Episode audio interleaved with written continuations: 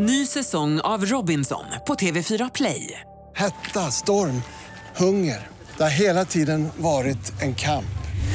Nu är det blod och tårar. Fan händer just nu. Det. är Detta är inte okej. Robinson 2024, nu fucking kör vi! Streama söndag på TV4 Play.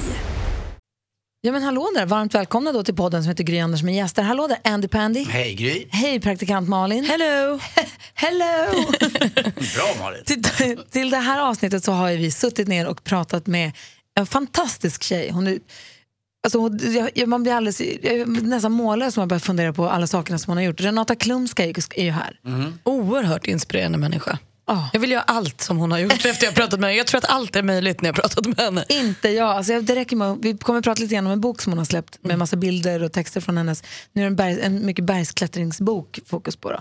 Men bara de här bilderna på när de gräver i, i snön för att sätta upp sina tält. Alltså, det verkar vara sånt, alltså, eller allt, det verkar vara så otroligt slitigt. Mm, och en helt annan värld än den själv man är van vid. Man tycker det är jobbigt ibland när bussen är en minut sen eller något liknande. Eller tunnelbanan inte funkar. Men eh, hon har varit med om en hel del annat. Ja, men jag menar det, det är det som får mig att känna att allt är möjligt. Nå, Om hon kan göra det där, vad har jag då att gnälla på? Vad är det har jag inte ska inget klara? wifi. Lite så. Jag har inget att ta på mig. Men sluta. Ja, ibland får jag byta rum hemma när jag ska få bättre wifi. Det är ju helt vidrigt. Det är inte kul, man sitter så skönt. Ja.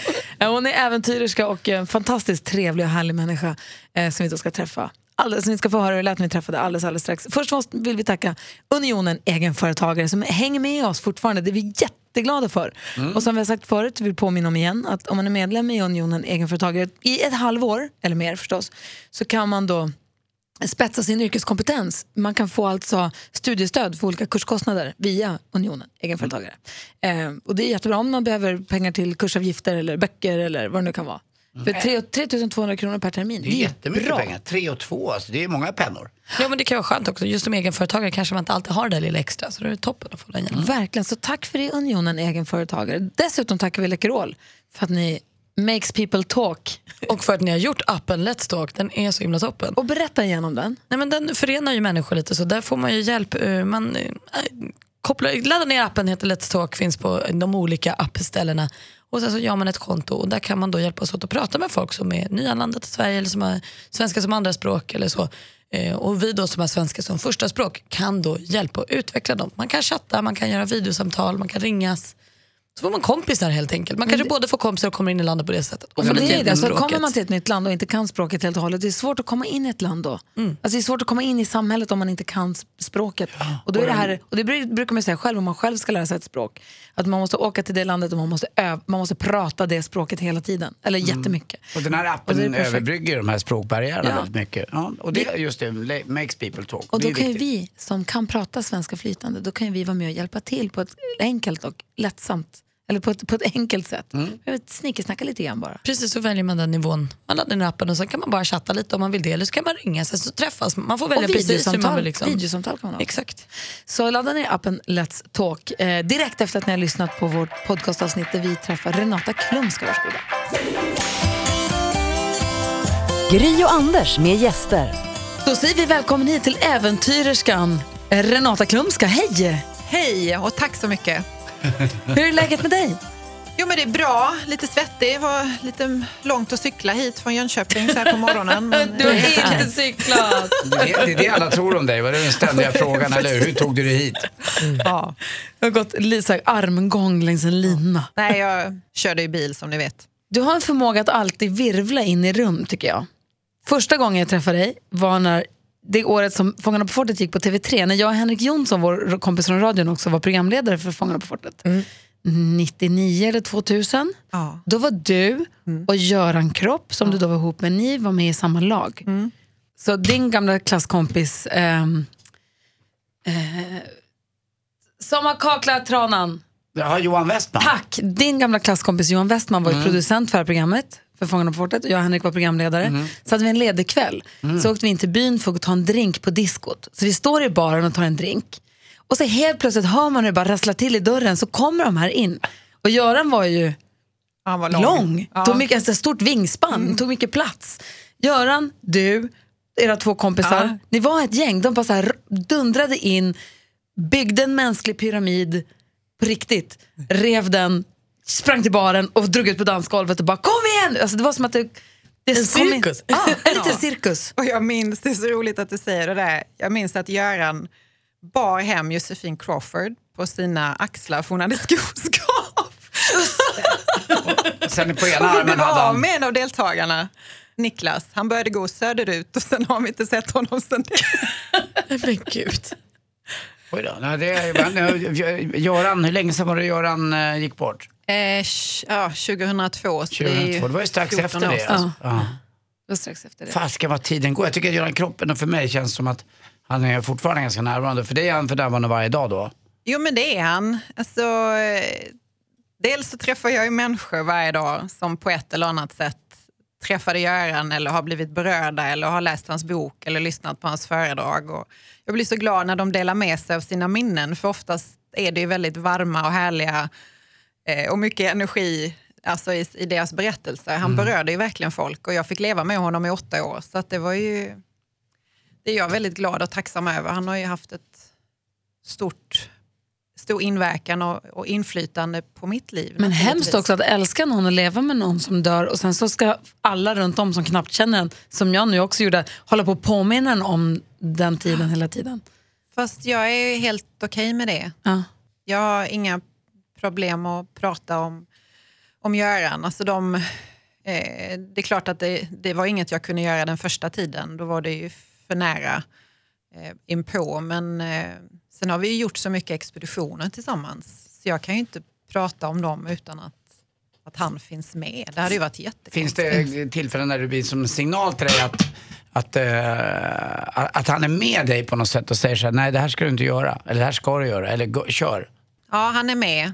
Han sitter oftast och gör sina, sin brasilianska dubbeltumme liksom, med tummen upp och säger kör gumman.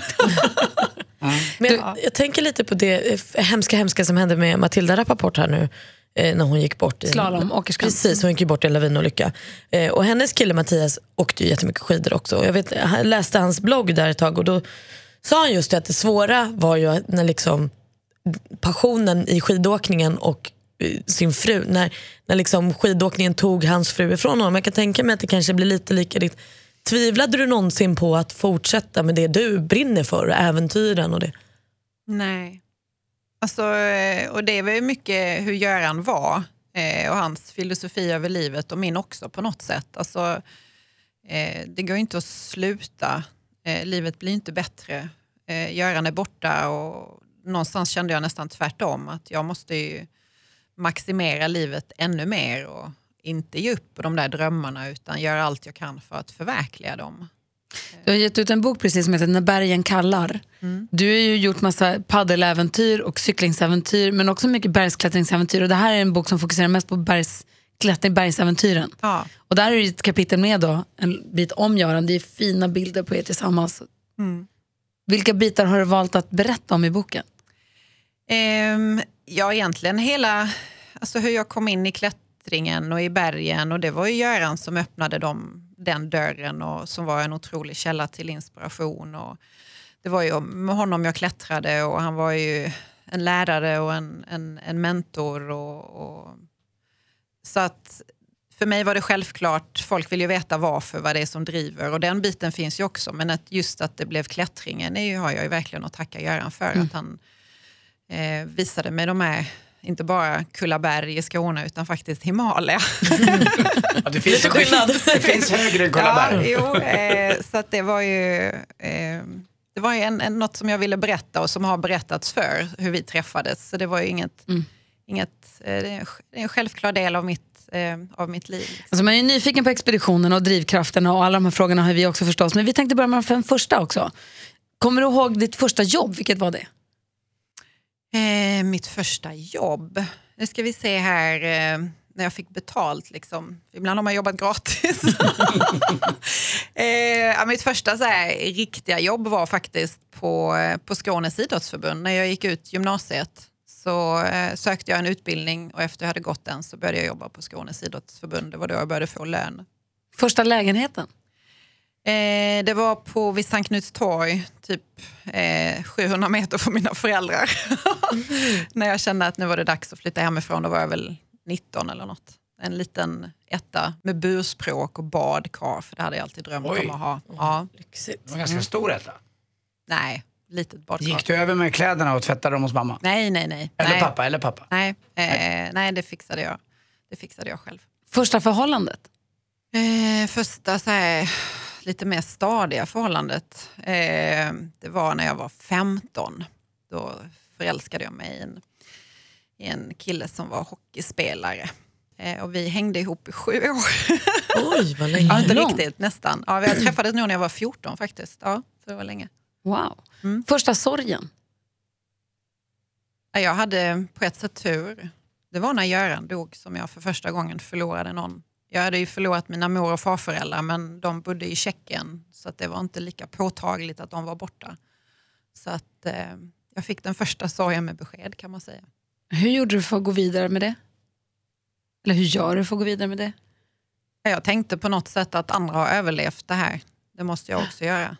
Vad gör man? Hur gjorde du sen? När du, hur lång tid dröjde innan du vågade dejta någon och träffa någon och älska igen?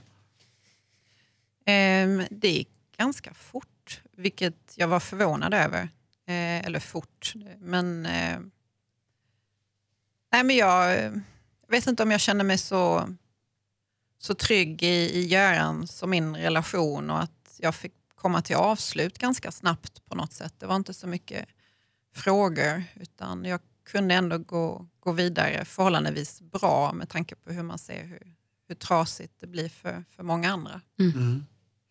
Första bröllopet?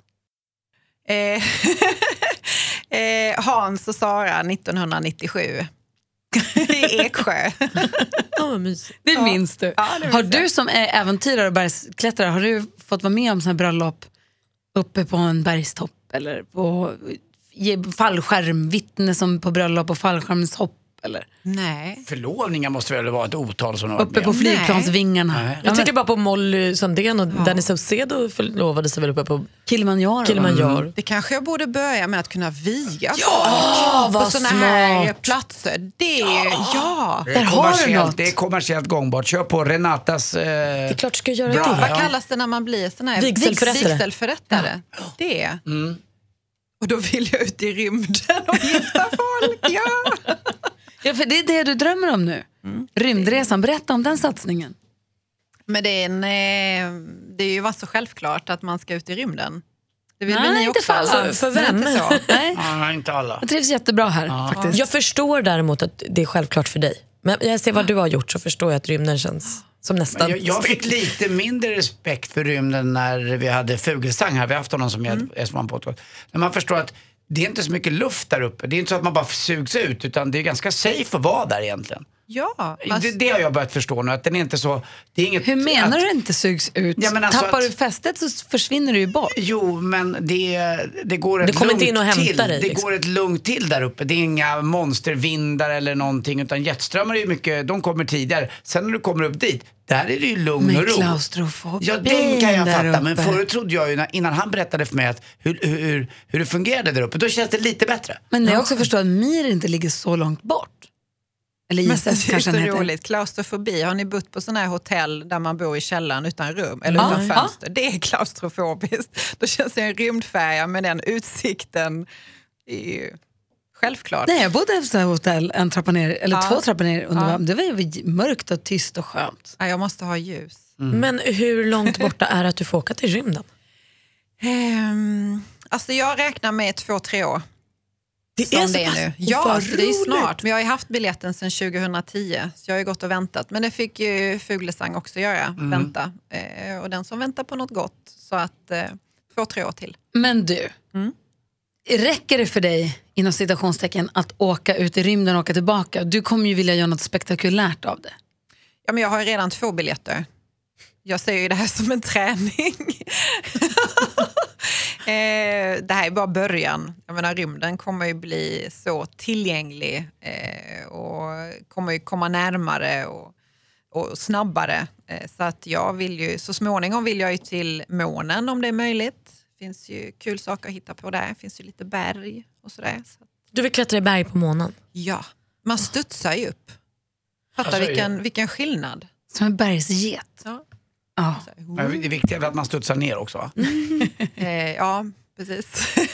Vad är det högsta berget på månen? Jag har ingen aning om hur högt det är. Eh, ja, man räknar på... Det högsta berget är runt 5000 meter. Sen finns det en högsta punkt som faktiskt är högre än Mount Everest som är 10 000 meter. Men det är mer som en platå. Men man kan komma högre än Mount Everest på månen. Jaha. Men hur, hur kommer det sig att du började med bergsklättring? Om vi backar tillbaka dit Ja. så man bara förstår var du liksom kommer ifrån. Ja, eftersom jag kommer från Malmö, Ja. Skåne, så är det ju väldigt Men jag vet att ni konstigt. kampade ju mycket med familjen när du var liten. Ja. Men därifrån till att börja klättra upp för stora, stora berg. Nej, men alltså, jag provade en mängd olika idrotter och så märkte jag att hålla på med lagidrott eller, eller tävlingssport egentligen var inte min grej utan det var naturen och, var, och det var friluftslivet. Och så snubblade jag på klättring och tyckte att det var väldigt kul. Man kan vara utomhus, en fantastisk naturupplevelse och så förälskade jag mig. Tänkte att ja, den här sporten det ska jag satsa på. Det här var kul, det gillar jag. Sen förälskade jag mig då i Göran, för han var min klätterinstruktör. Så det blev en bra kombo. Man gillar både klättring Hur och blev ni ihop? Eh, Det tog lite tid. Vi började ju först jobba tillsammans. Så att, eh, eller det tog tid för mig, det gick ju snabbt för Göran naturligtvis. Tog lite längre tid för mig. Eh, Men eh, det var i planeringen av hans Mount Everest-expedition som vi upptäckte varandra. Och sen fick jag följa med till Himalaya och då var jag 22 och fick se de här fantastiska bergen. Och man vet ju inte hur man reagerar. En del kommer till basläget och det är enkelt och det är primitivt och det är kallt och man äter ris och, och bönsås i sju veckor och folk vill åka hem efter, efter sju dagar. Medan jag kände bara det här är ju fantastiskt. Man träffar människor som hade visioner, idéer, mål, ambitioner. Och att det var enkelt och primitivt gjorde inget för det var ju så jag tillbringade mina semestrar. Familjen kampade oss genom hela Europa. Så att eh, när jag stod i basläget så kände jag i magen att, att bergen faktiskt på något sätt kallade och jag kände att jag vill också upp. Är det inte läskigt också när man kliver upp på det här berget? Att man kliver över, tror jag, är det inte så att man ser döda människor? Jag, vet, inte- jag tror inte man ser ett huvud in, infryst i, i isen, men kan man göra det eller? Ja, de flesta, beroende på vilket berg det är, så många av de som förolyckas blir ju kvar. Så är Ja. det. Men, eh, och jag har sett döda människor på expeditioner. Men det är inte så att du kliver över dem. Eh, Det är ju hur, tra- hur tragiskt den är så, så det går inte att flytta en kropp på den höjden när man Nej. börjar komma upp över 7-8 tusen meter. För att? Det är för tungt och det är för riskabelt och det kräver en sån otrolig insats så det skulle behövas kanske 5, 6, 7 personer för att ta ner en, en livlös kropp och då utsätter man dem för risker och det är förenat När- med kostnader. När har du varit rädd? Eh, Alltså oftast är jag rädd när jag tränar. Jag är ju sällan egentligen rädd på expeditioner för då har jag ju tänkt igenom alla möjliga scenarier. Eh, Då är jag ju väldigt fokuserad och koncentrerad. Men rädd, alltså idag är det ju såna här, det är mycket att det ska, att man, att det ska hända ens familj någonting. Alltså sådana tankar blir ju väldigt eh, skrämmande och obehagliga. När man ser var världen är på väg blir man också rädd. eh, men annars, ehm, det är något som jag har varit livrädd för, det är just att tala inför folk. Jag har haft så här riktig scenskräck och ändå är det ju det jag livnär mig på idag till stor del, att vara ute och föreläsa. Så att jag, rädslor för mig är något som man ska bli vän med. Men jag undrar, lite, du var inne på det Anders också, för jag läste där när du besteg de här vet du, Seven, Seven Summits. precis, det tog det 15 år eh, att göra det. Och det är alltså de sju högsta topparna på de sju olika världsdelarna? Ja, precis. Ja. Vad, är det, tar det 15? För, för mig kan det säga, om du är i god form för att bestiga en sån topp, går man inte bara ner, laddar om och så tar det någon månad och sen så går man upp för nästa. Men det är ju det man gör. Det var precis så jag gjorde. För saken var den att jag började ju 99 med Everest och sen åkte jag året efter till Kilimanjaro. Sen så förolyckades Göran och jag åkte iväg på min lilla paddelexpedition till i USA. Sen kom jag hem och så fick jag barn, några stycken efter varandra. eh, ganska fort. Och sen så eh, bestämde jag mig för att göra färdigt Seven Summits. Så att de sista fem bergen som jag hade kvar, de gjorde jag precis som du säger Malin, de tog sex månader. Mm. Ja, du ser. Jag tänkte Alltså, att det var tänker massa förberedelser You som man inte vet om. Yeah. Malin, kör nu. Men det här när du då så här, ska bearbeta lite och paddlar typ runt USA. Alltså, så här, Alltså min lilla paddelexpedition i USA är Den ju var inte inte riktigt nådig, Kungsholmen alltså. runt. Nej! Nej, Eh, men eh, alltså, skulle jag tänka så i början, det är klart jag fattar att det kommer ta tid. Men jag försökte dela upp det och bryta ner det och tänkte någonstans, ja, men jag börjar med Stilla havet och så får jag se hur långt jag kommer. Hur lång var hela den paddlingen? Hela expeditionen tog 439 dagar, så 14 och en halv månad. Jag upptäckte att det var väldigt kul att paddla.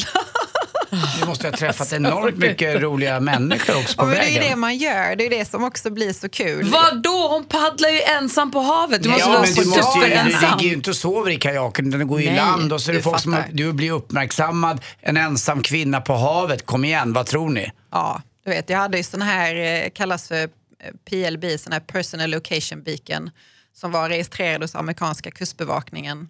Och det är klart jag hade någon ensam kväll där när jag tänkte nu ska jag aktivera den och så kommer US Coast Guard. det går väldigt roligt också. Fast det hade blivit dyrt. Vad såg du för, för djur? Alltså, du måste ha hajar och valar och...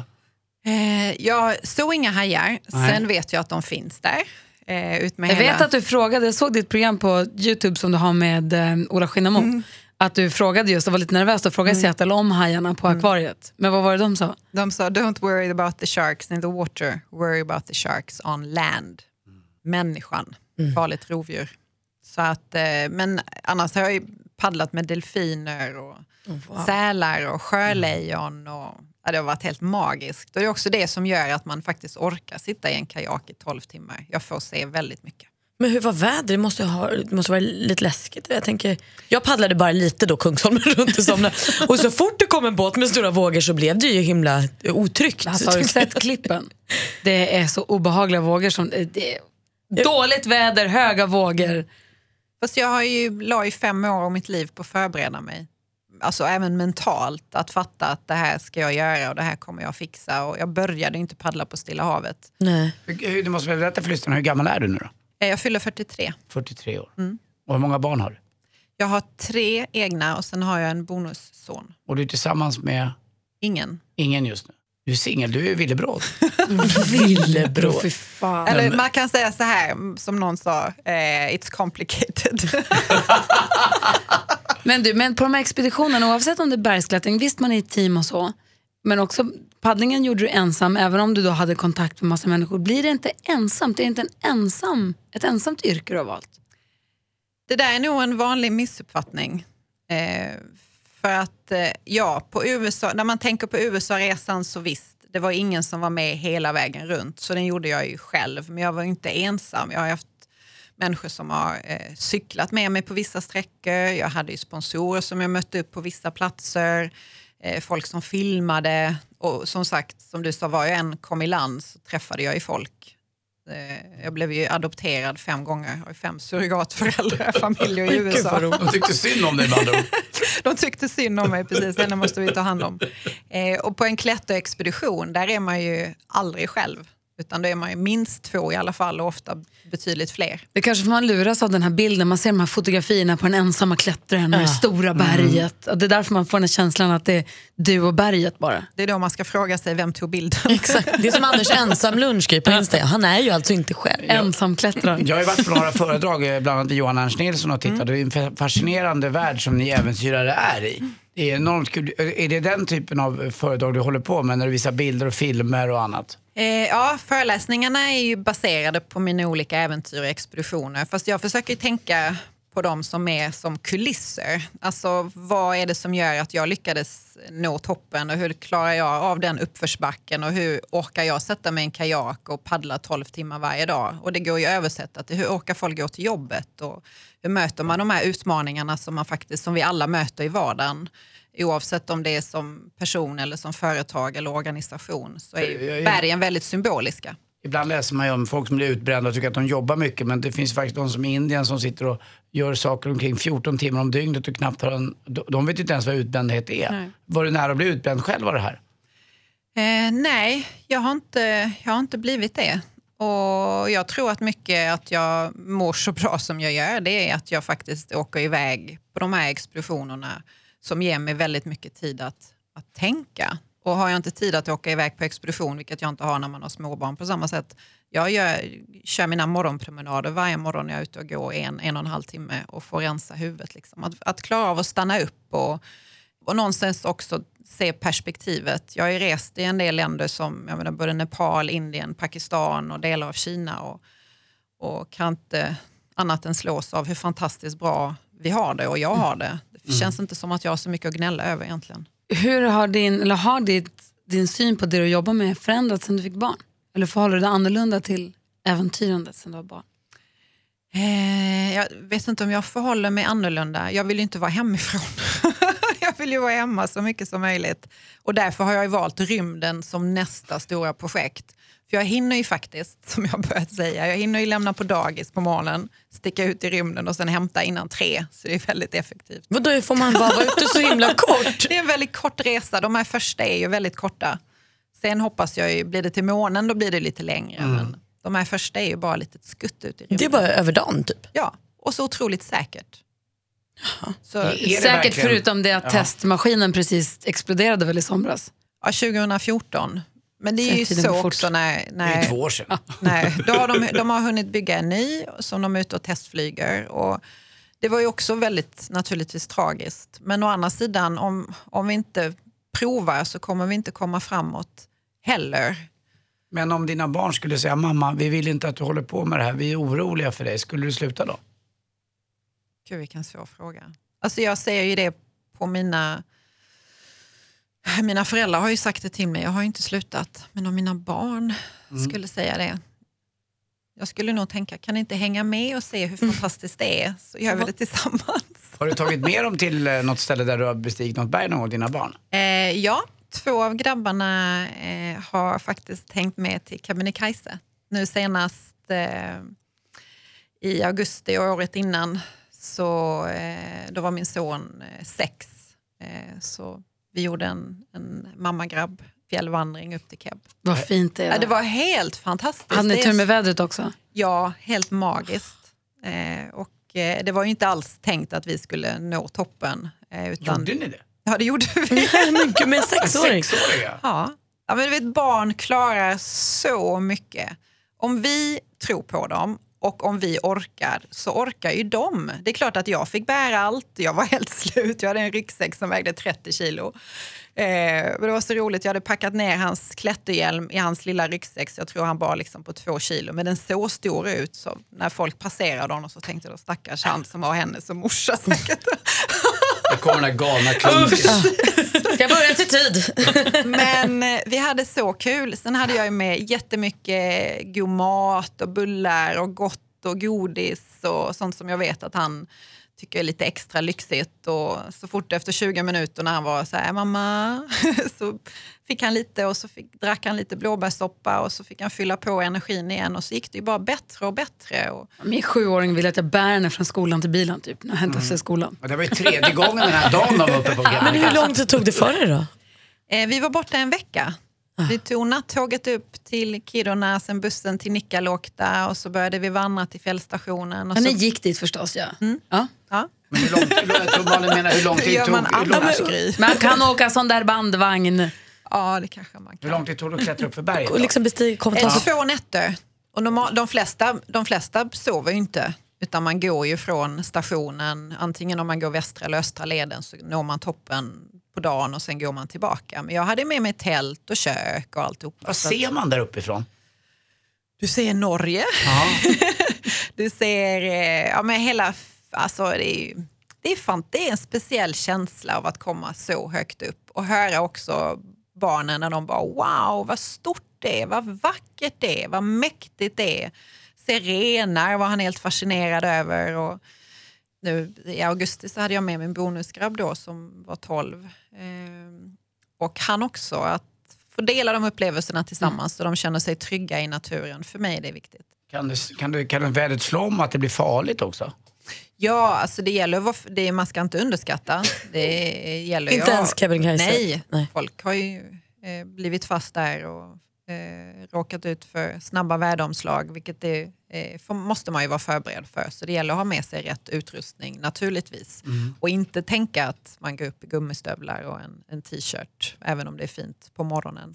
Men är det klättra, liksom, så här, ta sig upp och klättra? Eller är det liksom man kan gå hyfsat? Eh, Västra leden går det ju. Eh, Den är ungefär två mil. Men den är ändå brantare än vad man tror. Framförallt så är den ju upp och ner, så det, det, är, ju- det är långt. Eh, du gör ganska mycket höjdmeter och sen faller du ner i Kaffedalen och sen ska du lika mycket upp igen. Så att det är mentalt jobbigt. Liksom. Sen har du ju östra leden där de har gjort en jättefin via ferrata kan man säga. Det är som en, ehm, en klätterled led med vajrar. Så att du sätter fast dig i en vajer med klätterutrustning då. Så att det är väldigt säkert. Men det är ju lodrätt. Så att det är ju vertikalt. Jag skulle vilja gå. Sen ska du ner också.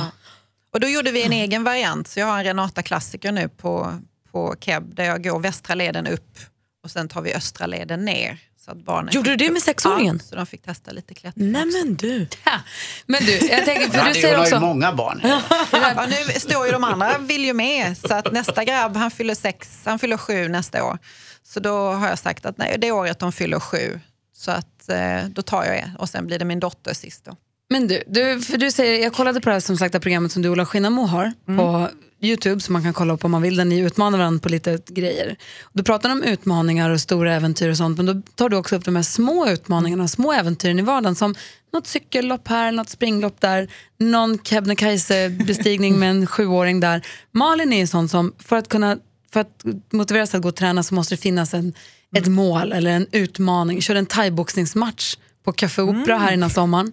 Ehm, och vad är det mer du har gjort? Jo men swimrun, du var ju swimrun-tjej ett tag. Och nu har du precis, Svänger fort. nu har du precis sagt att de ska köra Vasaloppet. Det har Härligt, till och med gått så långt så hon har skaffat kille. Oj, där kan Det vi är en snacka om utmaning. utmaning. Det är, utmaning, det är den största utmaningen. Jag har en fråga om bajs och intimhygien. När man är ute på expeditioner som det, om det handlar om att bestiga Mount Everest eller paddla runt USA och cykla sen igenom hela och alla dina äventyr som du gör.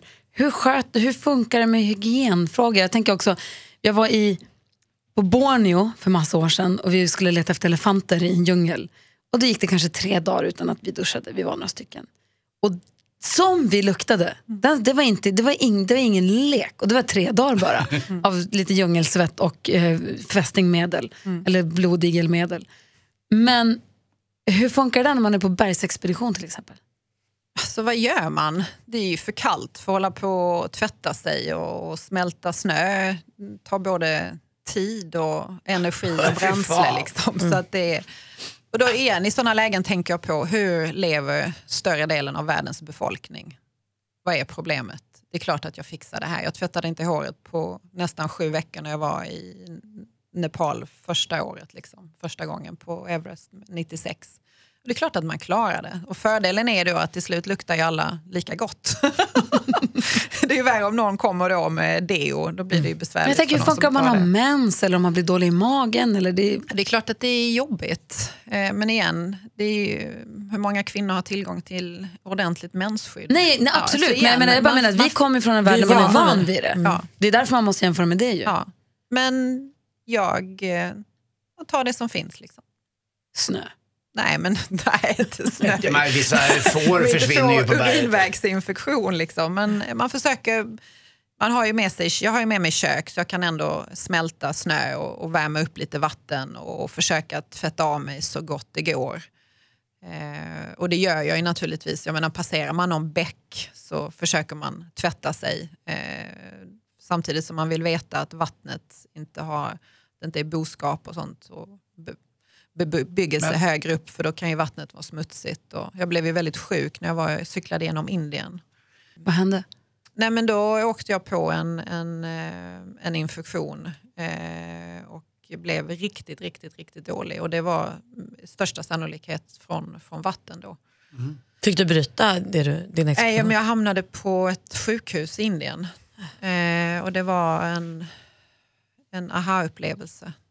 Verkligen. Vad då? då? Men fanns ju, jag hade ju möjlighet att köpa engångskanyler. Men det är väldigt många som inte har det. Ja, just det. Alltså fick återanvända. Oh. Mm. Men det är inga span på väg upp på Himalaya i alla fall. Det, Eh, nej. och man får väl andra prioriteringar också ska jag tänka mig. Ja. Om man är lite, så här, lite, lite nyfiken, man läser din bok eller ser bilderna och man känner att men jag vill också ut på, ut på äventyr, jag vill göra någonting som jag inte har gjort förut, vad skulle du rekommendera? Vad är så bra insteg? Eh, Rish en lördagkväll. det, är för, nej, det är för mycket. Man måste bestiga berg först. Eh, det kan nog säkert vara väldigt farligt. Eh, men alltså se, beroende på var du bor någonstans, kolla din näromgivning. Eh, det finns oftast väldigt fina både vandringsleder, cykelleder, vattendrag, eh, scouterna, friluftsfrämjandet. Alltså anslut dig till någon eh, och upptäck där du bor. Hur mycket jag än vill till månen och till rymden så någonstans så äventyren behöver inte vara långt borta och extrema och svåra och farliga. Utan de kan vara väldigt nära, liksom, runt Vad, hörnet. vad heter reservatet du säger? Tyresta-reservatet, det som brann? Nej, inte så, ja, i Hellas har jag bara. Hellas också. Det är också Hellasgården är ju fantastisk. Helt fantastiskt. Tyresta har jag hört ska Ja. så himla Ja, fint. där de Om nu pratar Stockholm. Fin natur. Men det upplevde jag verkligen bara det här swimrun jag gjorde, som då är att man turas om mellan att springa och simma. Det var en så fantastisk naturupplevelse. Alltså just att man blir så himla... Man känner sig så stark när, när ingenting kommer åt en. Du springer i skogen bland så här mossa och stenar upp och ner och så kommer en sjö och då simmar man över den. Alltså, man är så ostoppbar på Vi satt och åkte tåg eller vad vi åkte bil eller tåg och Malin tittade ut över vattnet och sa "Ha, jag kan simma dit bort. Vi åkte till Jönköping, vi skulle äta Ja, du, Och det var alltså, typ hela Vättern. Alltså, det kunde jag ju inte. Men känslan blev att så här, det här gör inget. Men det är ju härligt. Jag menar, det är just det att, att, att, och det finns ju så mycket bra arrangörer och arrangemang. Liksom. Allt från eh, en svensk klassiker till ja, vad man nu vill, mindre lopp och större lopp. Och, och så får man göra det med människor som eh, kanske inte är likasinnade men ändå har för den dagen det målet och det är ofta så här feststämning. Alla är glada och peppade och en del har tränat mycket och en del har inte tränat alls. Jag gillar att bli brun. Mm. Och, eh, ibland när jag är i Alperna då försöker jag hitta ställen som har typ 3500 meter, det är så Mm. man kommer. Då får man ju bra med färg. Men har inte du varit rädd för att få uh, hudcancer eller liknande? Det är precis tvärtom. Ja. Jag kör inte- på så här, allt. Hur, Total hur, hur skyddar man sig när man är uppe på 8? Går det? Eh, Ja, det finns ju sådana här total sunblock som blockerar liksom solen helt så Ja. man håller på att smörja in sig. Och det man får det- ingen snygg solbränna heller. Jo. Nej, du får den ju hit. Ja, men liksom. man kan ha sexy, man får ha sexy pyjamas.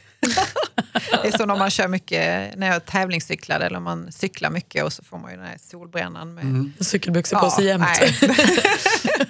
så det gäller att ha total sunblock på benen också. Mm. Nej, men det, är ju, alltså det kan ju bli, jag har ju faktiskt bränt mig. Jag brände mig på Shishapangma, ett berg i Tibet 97 där jag slarvade med att smörja in mig precis under eh, solglasögonen för då smet jag in, mm, det att glasögonen blev kletiga istället så då var jag lite slarvig där. Eh, och där fick jag liksom blåsor, vattenblåsor. Och det i sin tur blir ju, att, blir ju jobbigt och kan också bli infekterat. Så att allt sånt är jag ju väldigt, väldigt noga med. Mm. Sånt som kan sinka dig liksom i din klättring. Ja, men det kan ju få väldiga konsekvenser. Hur ser planeringen ut för en stor expedition? En sån här riktigt mastig. Ehm, ja, men ofta att jag sätter mig kanske ner med en karta och börjar titta på vad jag ska, vad jag är på väg och vad jag behöver veta, kunna, träna på, lära mig. Vem kan hjälpa mig? Vad behöver jag för utrustning? Eh, Det blir en väldigt lång to-do-list och det är också det som är så kul, lösa problemen. Och så ringer man till folk som när jag började paddla och sa vad jag skulle göra. De bara, du är helt galen, det här kommer aldrig gå. Nej, vad kul. Tack för peppen. hur ska jag lösa det här? Och så, och så visade det sig att det går ju. Eh, just Stilla havet, människor sa att du kommer inte kunna paddla i de där vågorna så ska du gå upp ur land, inte bara en dag i två och en halv månad, Jag får ta sig varenda ut dag. förbi där det bryter, det är väl det som man står och jobbar. upp igen efter en hel dags 12 Och allt är timmar paddling när man är helt slut. Men jag kom utveckla en egen teknik så jag började ju backa in mot land. Det var ingen som hade sagt att man kunde göra det, så det kom jag på själv. Och det var en sån där, men nu var det plötsligt, klart att det fortfarande var svårt, men det var ju inte lika... Varför det lättare att backa? För då ser jag vågorna när de kommer mot mig istället för att de kommer oberäkneligt bakifrån. Men blev du så stark att det på slutet var rätt lätt? Så här, nej, nej, nej. Jag var nog som starkast halvvägs igenom. För sen blev jag bara tröttare och tröttare. Alltså jag hade ju problem att få i mig tillräckligt med mat. Och, eh, För Ola Skinnamo säger att en äventyrare ska vara tjock och stark. han får det tala för honom. jag gillar Ola. Skulle du kunna bli ihop med en anti-Ola, alltså en kontorsråtta, en eh, bladvändare på bank? En soffpotatis liksom. Ja, en Som vill ha room service och hotell. Nej, man behöver absolut inte dela mina intressen, men jag eh, attraheras av människor och det behöver inte bara vara någon partner utan det kan vara, så det ser jag i mina vänner, vem jag umgås med. De är egna företag och entreprenörer, kreativa människor som har visioner, som vågar. Sen kanske inte alla är superframgångsrika, men de, eh, de har sina drömmar och de vågar ge sig efter dem och det tycker jag är häftigt. Annars bör du klättra på väggarna. Den har jag inte hört innan. Du, jag har en låda här med frågor. Får du välja en fråga? Eller du får inte välja, du får dra en. Vad spännande. Tycker vi också. Eller? Complicated. Är är det complicated? Kan jag få ditt telefonnummer? Nej, det kan vi inte få. Vem var det? Vem vem Nej, jag bara skojar. frågan? Nej, det var det inte. Eh, den här var från eh, Christian Lok. Mm. Vad är det närma, närmsta du har varit att dö? Oj, vilken passande fråga. Vilken passande Verkligen. fråga. Paddlingen på Stilla havet var läskig och sen har jag haft några tillfällen när jag har klättrat som har varit obehagliga. Men, När på Stilla havet känner du att nu är det nära? eh, men jag råkade ut för en grej när jag, eh, jag skulle upp på land eh, och eh, då backade jag faktiskt in mot land men vågorna var så höga, jag vet inte om de var tre eller fyra meter, så de var högre än kajaken. Liksom, när den, ändå, den är ju två och en halv meter. Eh, så att när den vågen kom så flippade kajaken baklänges och tumlade runt och jag flög ut. Och man vet ju inte om det är rev och annat på havsbotten då. Hade du hjälm? Nej, det hade jag inte. Eh, och det hade jag ju, nu klarade jag mig, men då började jag faktiskt tänka på om jag inte ska ha hjälm också. Och så kommer man ner under vattnet så vet man inte vad som är upp och ner. Det måste Nej. vara kallt också. Det är kallt Ja. vatten där. Ja, nu hade jag torrdräkt på mig, men det var ändå att jag var väldigt omtumlad när jag gick upp på land och var väldigt skakad. Fick du med kajaken eller fick Nej, du fixa den gäller bara den att hålla sig. Nej, jo, den flöt ju upp på land så småningom, men jag höll i min paddel. För det är också att den flyter ju upp, så det var också att jag visste att jag får inte täpp, släppa taget om paddeln, för den hjälper mig ju ändå att hitta upp till ytan. För man hittar man kan simma åt helt fel Du håll. och vet ju inte vad som är upp och ner, du bara tumlar runt. Åh, fy. Stilla havet är inte stilla. Nej. Men du är så himla tuff. Oh, Men när wow. du paddlade på i Seattle och så paddlade du runt Mm. och sen så cyklade du lite grann där över Florida typ? Eh, ja, från Seattle, eller eh, från San Diego. Eh, Seattle till San Diego var ju paddling. Och sen var det ju cykling hela vägen ut med mexikanska, mexikanska gränsen Ja. till mexikanska golfen. Sen rundade jag mexikanska golfen och sen hela Florida. Först Med cykel? västkusten, nej kajak. Kajak då? Först västkusten och sen ner till Keys, The Keys och Everglades och alltihop. Och sen hela östkusten. Då. Everglades, det är ju alligatorer Ja. också. Jättekul. Jättefint. Tack. Ja. Och sen så paddlade du upp och sen så cyklade du tillbaka över USA till Mm. Ut med Seattle igen. kanadensiska gränsen. Och när Precis. du då kom tillbaka till Seattle så har man instiftat The Renata Klumska Day. Yes sir, or ma'am. Kul. Ja, det var en verklig eh, surprise när jag på kvällen, vi, det var ett stort eh, happening där, få bli tilldelad eh, jättefin mapp eller vad man ska säga i läder. Om jag öppnar upp den så är det borgmästaren i Seattle och har gjort en proclamation där han har tio punkter eller vad det är varför han tycker att den här expeditionen har varit så inspirerande och bra. Och, så han har instiftat då den 15 september 2006 till Renata Chlewskas dag. Och det är tioårsjubileum precis. Ja. En sista fråga, vad är den vackraste platsen på jorden? Åh, bra fråga. ja, men det är Himalaya. Det är, det är svårslaget alltså. Det är så mäktigt, de här just kontrasterna. Att du kan befinna dig längre ner under vandringen i de här dalarna med rhododendrons och vilda floder som dansar nere i dalarna. De här färgglada bergsbyarna och sen ser du Himalaya som är som en mur i fjärran. Liksom. De här snötäckta bergstopparna. Det är mäktigt. Det är magiskt och nästan sagolikt. Boken som finns ute nu heter När bergen kallar. Du får ge ut en cykelbok sen och en paddelbok också. Ja. Och sen får vi hitta på någon rymdenbok också. Lycka till med rymdexpeditionen. Ja, träffa killar-bok. Träffa, ja, det behöver jag själv och en handbok. Hörru, du, tack snälla för att du kom och hälsade på oss. Tack för att jag fick komma. Och Det var ly- jättekul. Lycka till med allt. Ni med. Tack. Listen, baby, ain't no mountain high, ain't no valley low, ain't no river wide